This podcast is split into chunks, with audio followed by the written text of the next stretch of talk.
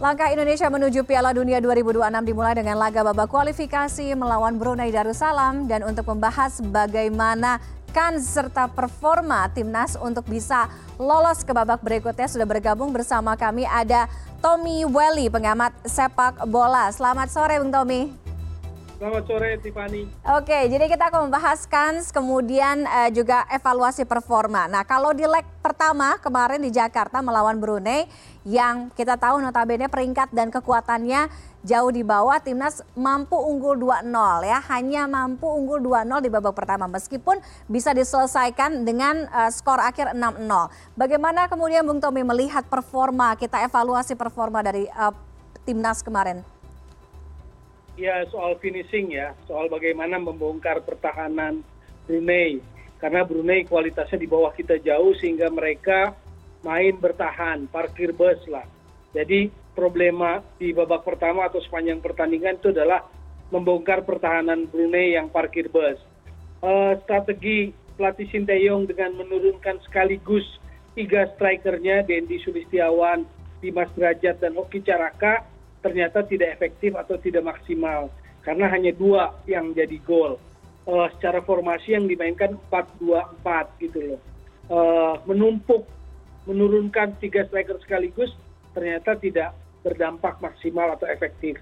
Di babak kedua ketika strikernya diganti, ditarik Dendi dan Hoki Caraka, lalu masuk Sananta, justru menambah gol menjadi 4. Artinya permainan lebih cair, membongkar pertahanan lebih uh, lebih efektif termasuk dengan mengganti maklok dengan Ricky Kambuaya. Jadi uh, perubahan di babak kedua pergantian pemain lebih tepat atau menghidupkan permainan atau membuat permainan Indonesia lebih efektif.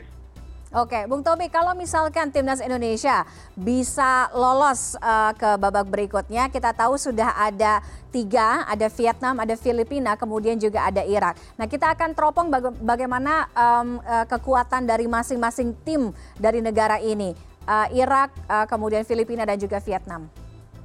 Ya, kalau pakai urutan kualitas tentu saja uh, Irak yang pertama, di situ menjadi lawan terberat, kedua Vietnam, ketiga Filipina jadi kalau anggaplah kita bisa mengatasi Filipina, hitung-hitungan di atas kertas, sepertinya Filipina bisa diatasi, maka persaingan berat atau pertarungan berat adalah menghadapi Vietnam dan juga Irak. Saya pikir uh, pertarungannya itu, persaingannya itu. Oke, kalau untuk uh, Vietnam kemudian Filipina mungkin sudah uh, banyak sedikit uh, Indonesia lebih familiar karena lebih sering untuk bertemu uh, di gelaran di um, Asia Tenggara. Bagaimana kemudian dengan Irak itu tadi kalau misalnya tadi mungkin yang tadi Bung Tommy uh, bilang sebenarnya yang paling harus diperhatikan adalah Irak gitu. Nah, apa yang harus mungkin diperhatikan dari mulai sisi strategi dan lain sebagainya uh, dari timnas Indonesia ini? Ya pasti ya. Uh, sebelum Irak saya pikir Vietnam Vietnam akan selalu menyulitkan. Kalau kita bicara dalam kurun waktu misalnya lima tahun ke belakang, di Asia Tenggara saja kekuatannya bergeser dari Thailand ke Vietnam. Atau Vietnam dan Thailand bergantian menjadi sangat uh, stabil gitu loh. Indonesia ada di antaranya, mengganggu kestabilan mereka. Jadi ini juga persaingan yang nggak mudah buat Indonesia, Vietnam. Irak, Irak pernah juara Piala Asia 2007 artinya secara reputasi sepak bola Irak lebih punya nama di level Asia. Secara tradisi juga Irak dalam kualifikasi Piala Dunia dia bisa masuk ke 12 besar Asia gitu loh untuk memperebutkan eh, empat setengah tiket kalau kemarin-kemarin ya.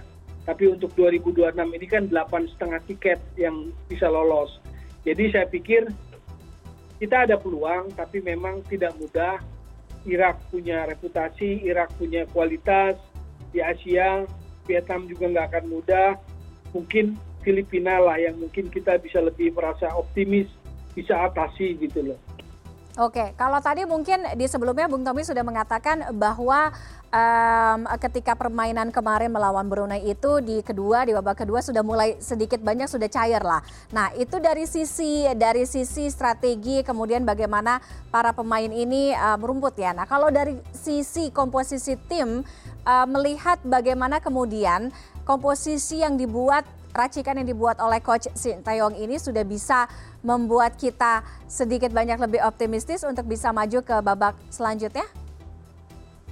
Kalau lawan Brunei, udah pastilah kita bisa lewati lah. Jadi kita akan ada di babak kualifikasi kedua, ronde kedua, yang lawan Vietnam, uh, Irak, dan Filipina.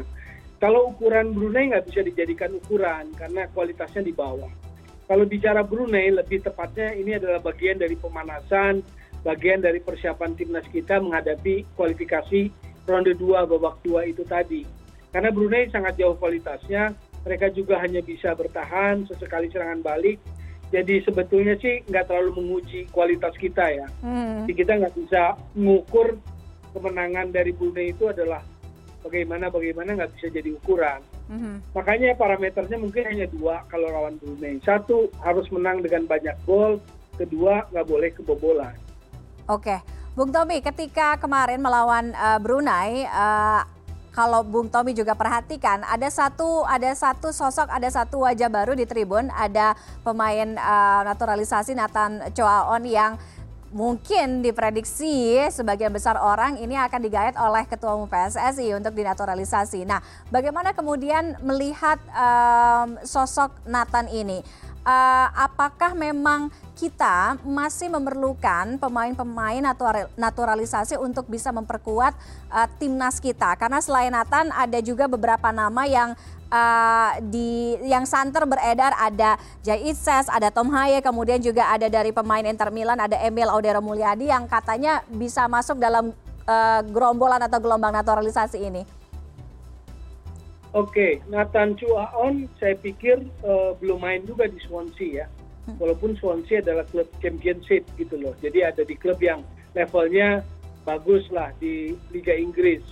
Cuma karena belum main, saya belum bisa melihat kualitasnya gitu loh. Hmm.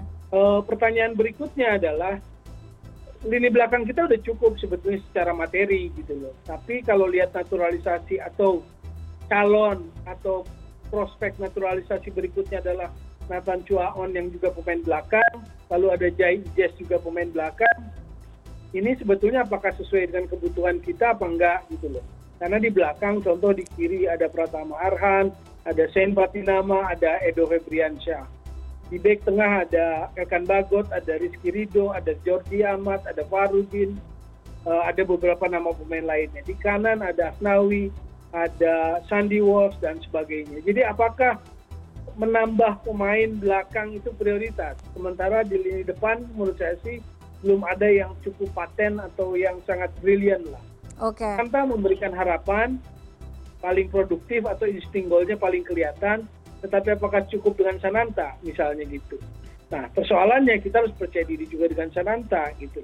Apakah demi sebuah hasil kemudian kita mengambil jalan pintas, tergesa-gesa, terburu-buru gitu. Oke, jadi opsi Saya naturalisasi di situ gitu. Tapi hmm. apakah membangun tim nasional seperti ini satu-satunya cara?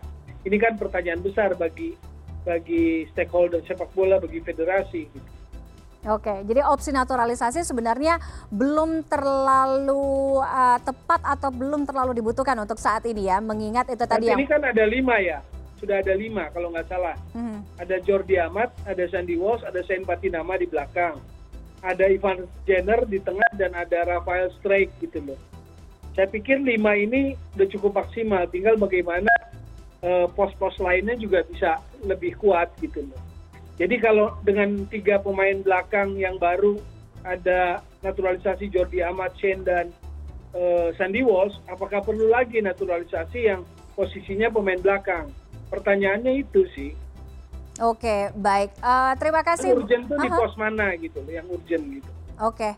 Uh, kita akan lihat uh, bagaimana uh, permainan Indonesia melawan Brunei. Apakah secair seperti yang sebelumnya. Kita akan uh, lihat pantau bagaimana perkembangannya. Terima kasih Bang Tommy sudah bergabung dengan Sian Indonesia Connected Sports Corner pada sore hari ini. Selamat sore. Selamat sore, Tiffany.